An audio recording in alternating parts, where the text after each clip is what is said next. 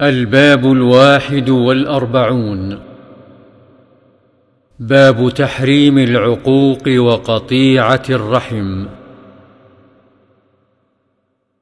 وعن أبي بكرة نفيع بن الحارث رضي الله عنه قال قال رسول الله صلى الله عليه وسلم ألا أنبئكم بأكبر الكبائر ثلاثا.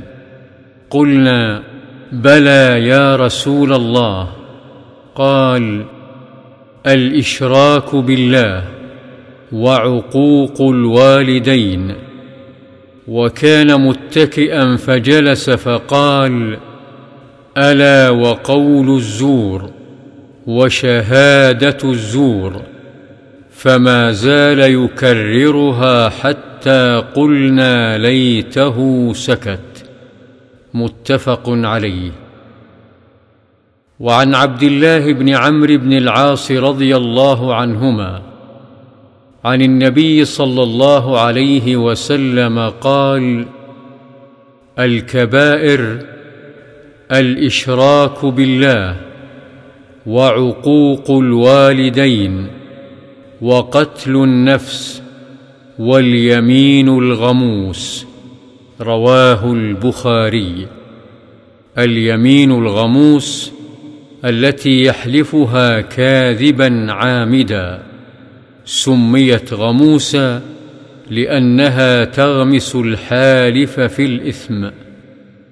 وعنه رضي الله عنه أن رسول الله صلى الله عليه وسلم قال من الكبائر شتم الرجل والديه.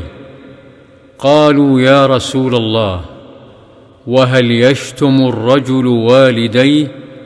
قال نعم يسب أبا الرجل فيسب أباه ويسب أمه فيسب أمه. متفق عليه. وفي رواية إن من أكبر الكبائر أن يلعن الرجل والديه. قيل يا رسول الله كيف يلعن الرجل والديه؟ قال يسب أبا الرجل فيسب أباه ويسب أمه فيسب أمه. وعن أبي محمد جبير بن مطعم رضي الله عنه أن رسول الله صلى الله عليه وسلم قال لا يدخل الجنة قاطع. قال سفيان في روايته يعني قاطع رحم. متفق عليه. وعن أبي عيسى المغيرة بن شعبة رضي الله عنه عن النبي صلى الله عليه وسلم قال إن الله تعالى حرم عليكم عقوق الأمهات ومنعا وهات ووأد البنات وكره لكم قيل وقال وكثرة السؤال وإضاعة المال متفق عليه قوله منعا معناه منع ما وجب عليه وهات طلب ما ليس له وأد البنات معناه دفنهن في الحياة. وقيل وقال معناه الحديث بكل ما يسمعه فيقول قيل كذا وقال فلان كذا مما لا يعلم صحته ولا يظنها. وكفى بالمرء كذبا أن يحدث بكل ما سمع.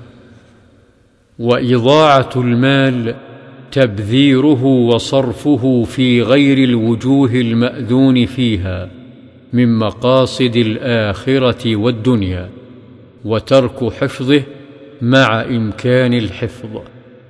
وكثرة السؤال الإلحاح فيما لا حاجة إليه.